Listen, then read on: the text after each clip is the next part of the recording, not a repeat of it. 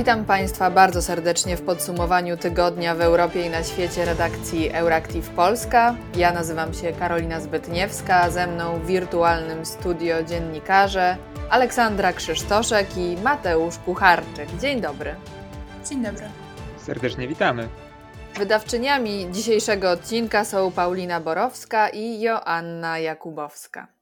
Zacznijmy może od e, krótkiego podsumowania sytuacji szczepionkowej w Europie. Otóż nasz bratanek Węgry zaakceptował najpierw rosyjską szczepionkę Sputnik 5, a następnie chińską szczepionkę Sinopharm. Wielu narzeka na to, jak Bruksela negocjuje i na to, że nie może sobie negocjować na boku, jednak gdyby nie wspólnotowe podejście negocjacyjne, bylibyśmy teraz prawdopodobnie w samym środku wojny szczepionkowej, w której do obecnie już i tak dających się we znaki nacjonalizmów doszedłby nacjonalizm właśnie szczepionkowy. Na takiej sytuacji traciłyby mniejsze, biedniejsze kraje, które nie miałyby praktycznie żadnej siły negocjacyjnej, a duże kraje przejęłyby całe zapasy szczepień. Wracając jednak do Sputnika 5, szczepionki nazwanej za serią pierwszych radzieckich sztucznych satelitów Ziemi, które też zapoczątkowały w 1957 roku wyścig kosmiczny między ZSRR a USA. Teraz to właśnie Sputnik 5 był pierwszą zarejestrowaną szczepionką na świecie już e, ponad pół roku temu. Trochę w wyniku pewnego fal startu, bo jeszcze przed szeroko zakrojonymi testami klinicznymi fazy trzeciej na szerokiej grupie populacyjnej ale z drugiej strony w ten wtorek medyczne pismo naukowe Lancet opublikowało informację, że jest ona niemal w 92% skuteczna a jest to skuteczność prawie na równi ze szczepionkami Moderny oraz konsorcjum Pfizer-BioNTech, a jednocześnie aż jedną trzecią wyższa niż efektywność szczepionki Uniwersytetu Oksfordzkiego i AstraZeneca. Dlatego też coraz głośniej słyszalne są opinie, aby dogadać się z Rosją, aby dogadać się z Chinami, w sprawie szczepień, pozostając, e, pozostawiając za sobą politykę, a jednocześnie koncentrując się na ratowaniu zdrowia i życia e, obywateli europejskich.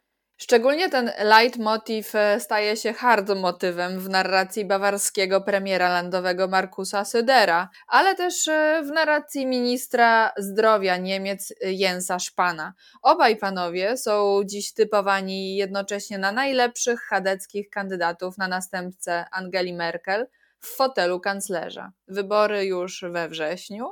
Nie jest więc pewnie przypadkiem zapowiadanie możliwości wyszczepienia wszystkich niemieckich chętnych już do końca lata.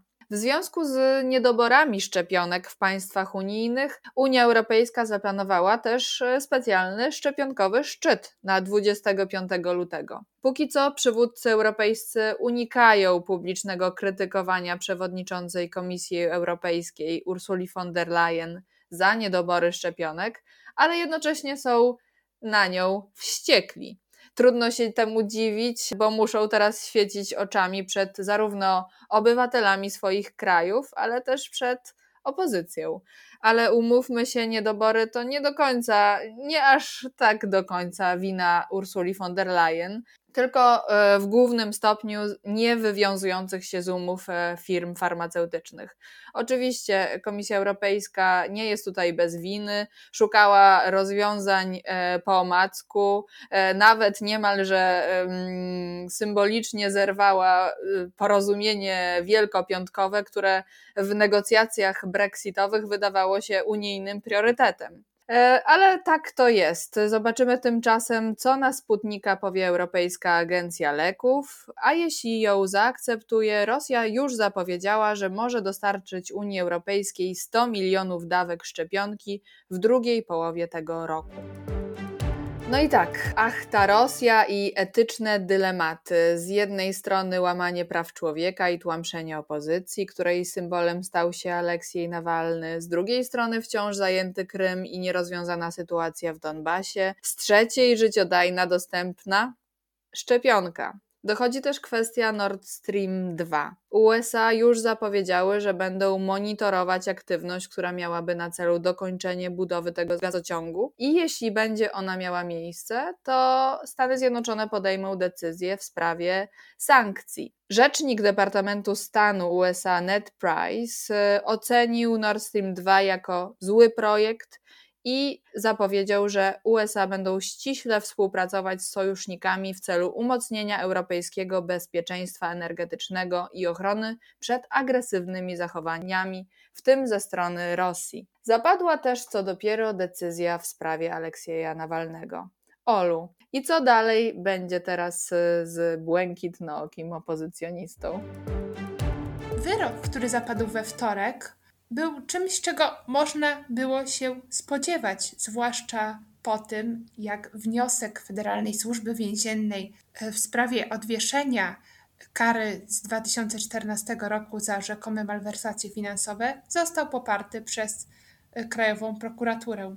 E, Aleksiej Nawalny został więc skazany na dwa lata i siedem miesięcy kolonii karnej, gdyż tyle pozostało po odliczeniu niemal roku spędzonego w areszcie domowym. Jest to kolejna w ciągu zaledwie kilku miesięcy próba zamknięcia ust najpopularniejszemu rosyjskiemu opozycjoniście. Po tym, jak nie udała się w sierpniu ubiegłego roku próba odebrania mu życia poprzez otrucie nowiczokiem. Warto zwrócić uwagę na zachowanie Nawalnego podczas rozprawy. Przez cały czas wspaniale zachowywał on zimną krew, niemal się uśmiechał w czasie rozprawy, co wskazuje, że chciał pokazać niemal taką demonstracyjną kpinę z bezprawia, jakie ma miejsce w Rosji, a jednocześnie nie chciał dopuścić do tego, by podupadł duch jego zwolenników, którzy protestują od czasu jego aresztowania w Moskwie i wielu innych miastach Rosji. Brutalność, e, z jaką tłumione są owe protesty, przypomina ubiegłoroczne sceny z sąsiedniej Białorusi. Oburzeniem na skazanie Nawalnego zareagowano za granicą. Wyrok na opozycyjnego polityka oraz e, pacyfikację pokojowych protestów potępili przywódcy i dyplomaci z krajów Unii Europejskiej, jak również sama Unia oraz sekretarz stanu USA. Podniosły się też głosy w kwestii konieczności zastosowania kolejnych sankcji przeciwko Rosji. Jako pierwsza z takim postulatem wystąpiła Łotwa. Szef łotewskiej dyplomacji w kontekście protestów zacytował nawet znaną rosyjską pieśń patriotyczną, pieśń o ojczyźnie Wasilija Libediewa Kumacza i Izaka Dunajewskiego. E, zacytował fragment Ja drugoj takiej strony nie znaję, gdzie tak wolno dyszy człowiek. Czyli nie znam drugiego takiego kraju, gdzie tak swobodnie oddycha człowiek. Był to wyraźny przytyk do tego, że no cóż, Rosjanie już nie mogą swobodnie oddychać na ulicach własnego kraju, jeśli ich protesty są tak brutalnie pacyfikowane przez służby.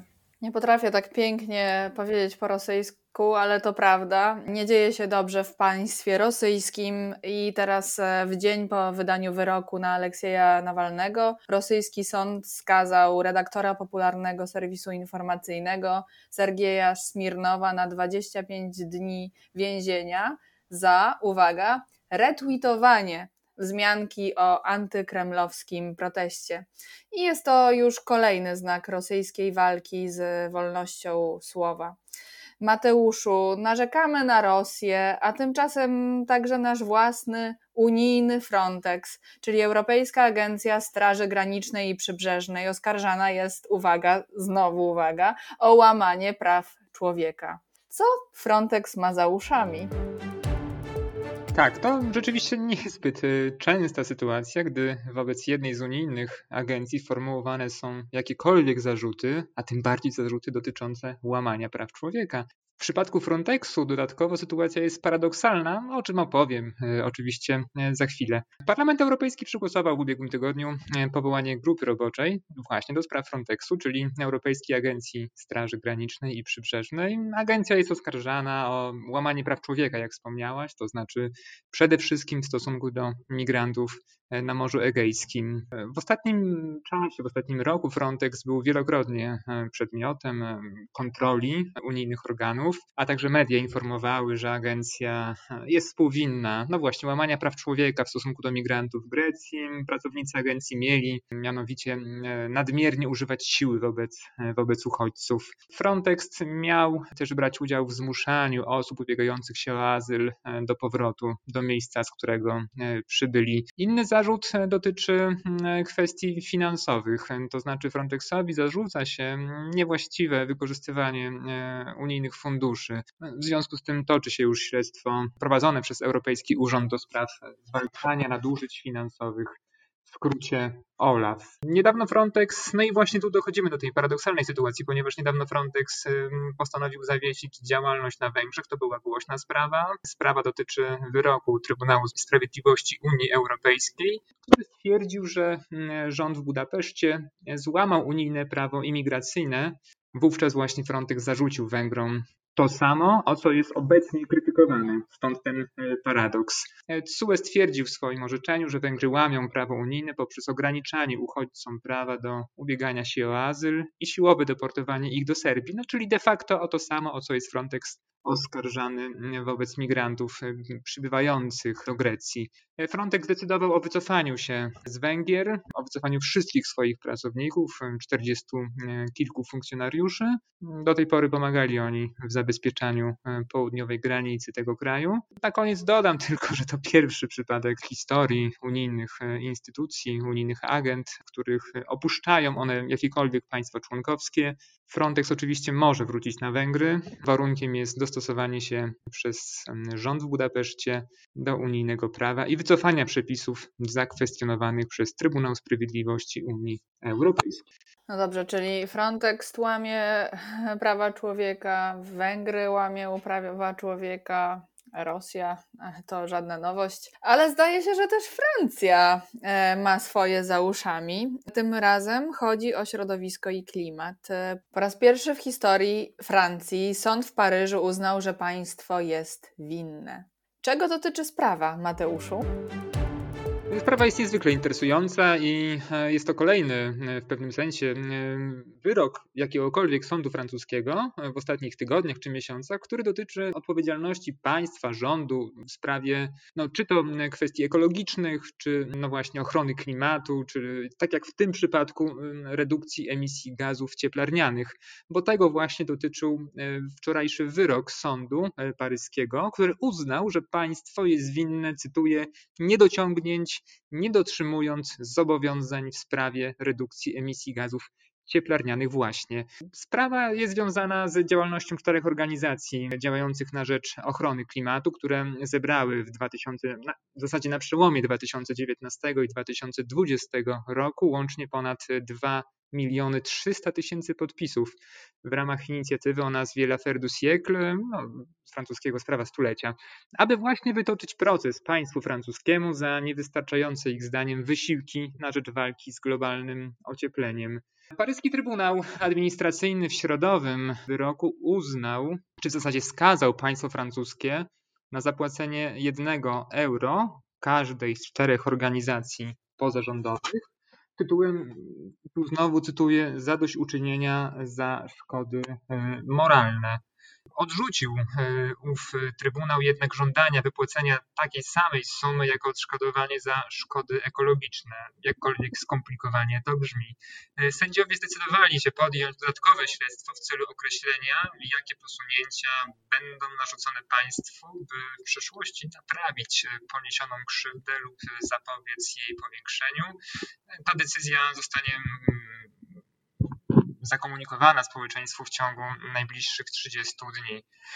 Tak jak wspomniałem na początku, to nie pierwsza tego typu sprawa e, w przypadku Francji, chociaż wczorajszy wyrok jest zdecydowanie najbardziej spektakularny. Już w czerwcu 2019 roku jeden z sądów pod Paryżem E, orzekł winę państwa w sprawie pewnej e, matki córki. Mówię w ten sposób, ponieważ nie znamy do tej pory ich tożsamości, które e, cierpiały na choroby układu oddechowego wskutek no właśnie zaniechania administracji centralnej w walce z zanieczyszczonym powietrzem. Z kolei w styczniu bieżącego roku pewien uchodźca z Bangladeszu, zresztą chory na astmę, uniknął deportacji z Francji po tym jak e, inny z francuskich sądów e, w Bordeaux na zachodzie kraju orzekł, że zanieczyszczenie powietrza w jego rodzinnym kraju, Bangladeszu, może pogorszyć jego stan zdrowia, a nawet przyczynić się do śmierci. No, w ten sposób Francja doczekała się pierwszego w swojej historii uchodźcy klimatycznego. Ciekawe w kontekście tego wyroku uznającego e, Francję winną, jaka kara zasądzona byłaby Polsce. A na koniec Włochy. Mario Draghi otrzymał od prezydenta Włoch misję utworzenia nowego rządu eksperckiego. Tym samym będzie on 15 włoskim premierem w ciągu ostatnich trzech dekad. Dla porównania w Niemczech od 1982 roku było tylko trzech kanclerzy, a we Francji pięciu prezydentów. Olu. Mimo prób mediacji podjętych przez przewodniczącego Izby Deputowanych Roberto Fico na prośbę prezydenta Sergio Mattarelli, y, członkom dotychczasowej koalicji nie udało się osiągnąć porozumienia, które pozwoliłoby ostać się dotychczasowej koalicji. Punktów spornych było wiele, ale wydaje się, że cała sprawa rozbiła się o sam kształt rządu Między innymi kością niezgody było to, czy na czele gabinetu ma pozostać Giuseppe Conte, a także kto ma być wicepremierem, bo w ostatnim rządzie nie było w ogóle wicepremierów, oraz ile ministerstw w nowym rządzie ma otrzymać Italia Viva, byłego premiera Matteo Renziego, który zresztą był spiritus movens całego kryzysu rządowego. Koniec końców, przybywając we wtorek do Pałacu Kwirynalskiego, gdzie znajduje się siedziba głowy państwa, Fico był zatem zmuszony przynieść prezydentowi wiadomość o porażce rozmów. E, dla Mattarelli był to sygnał, że nie ma już szans na ocalenie e, koalicji rządzącej i postanowił odwołać się do alternatywnych rozwiązań. Oczywiście prawica nieustannie domagała się wyborów, wieszcząc tym szansę na powrót do władzy. Jednak prezydent wykluczył taki scenariusz, przypominając o sytuacji, jaka miała miejsce w 2018 roku po ostatnich wyborach, y, kiedy sformowanie koalicji rządzącej zajęło kilka miesięcy. Prezydent zwrócił uwagę, że teraz ze względu na pandemię i kryzys takiego czasu nie ma, więc trzeba odwołać się do innych rozwiązań. Postawił więc na stworzenie rządu jedności narodowej, którego stworzenie powierzył y, Mario Draghiemu. Ringrazio il Presidente della Repubblica per la fiducia che mi ha voluto accordare, conferendomi l'incarico per la formazione del nuovo governo. È un momento difficile. Il Presidente ha ricordato la drammatica crisi sanitaria con i suoi gravi effetti sulla vita delle persone, Super Mario, jak nazywają go w obliczu obecnej sytuacji włoskie media, znany jest głównie z tego, że w latach od 2011 do 2019 roku e, pełnił funkcję prezesa Europejskiego Banku Centralnego. E, wcześniej natomiast był prezesem Banku Centralnego Włoch. Co należy zauważyć, e, zarówno Banka d'Italia, jak i Europejskim Bankiem Centralnym kierował w okresie kryzysu finansowego, więc jest powszechnie ceniony właśnie za swój wkład w wyprowadzenie strefy euro z kryzysu. E, jeśli chodzi o jego taki background edukacyjny, to ukończył on, podobnie jak wielu innych prominentnych włoskich polityków, e, Uniwersytet La Sapienza w Rzymie, a następnie, e, co ważne, Massachusetts Institute of Technology. Doktorat natomiast obronił pod kierunkiem przyszłego noblisty, profesora Franco Modiglianiego. Trudno więc oprzeć się wrażeniu, że jest to idealna osoba do kierowania rządem okresie kryzysu wywołanego pandemią. Zobaczymy, czy rząd Dragiego będzie gabinetem bardziej technicznym, czy może jednak e, zdecyduje się on na zaangażowanie niektórych polityków partyjnych. Chociaż na razie deklarował, że jeśli chodzi o przynależność partyjną, to zamierza zachować równowagę i niezależność od e, wszelkich partyjnych podziałów. Natomiast prezydent zaapelował, aby nowy rząd skupiał ekspertów wysokiej rangi. Chociaż oczywiście takie sformułowanie można różnie rozumieć. Y, na razie y, z rozwi- takiego rozwiązania nikt nie wydaje się być zadowolony. Nawet Matteo Renzi, który w przeszłości domagał się takiego rozwiązania, domagał się postawienia Dragiego na czele rządu.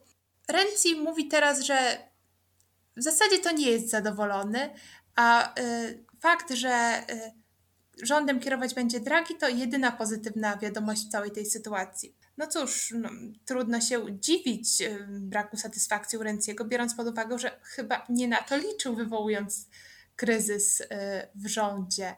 Liczył na wzmocnienie swojego własnego ugrupowania, na większą liczbę ministerstw, które miałyby przypaść Italia Viva.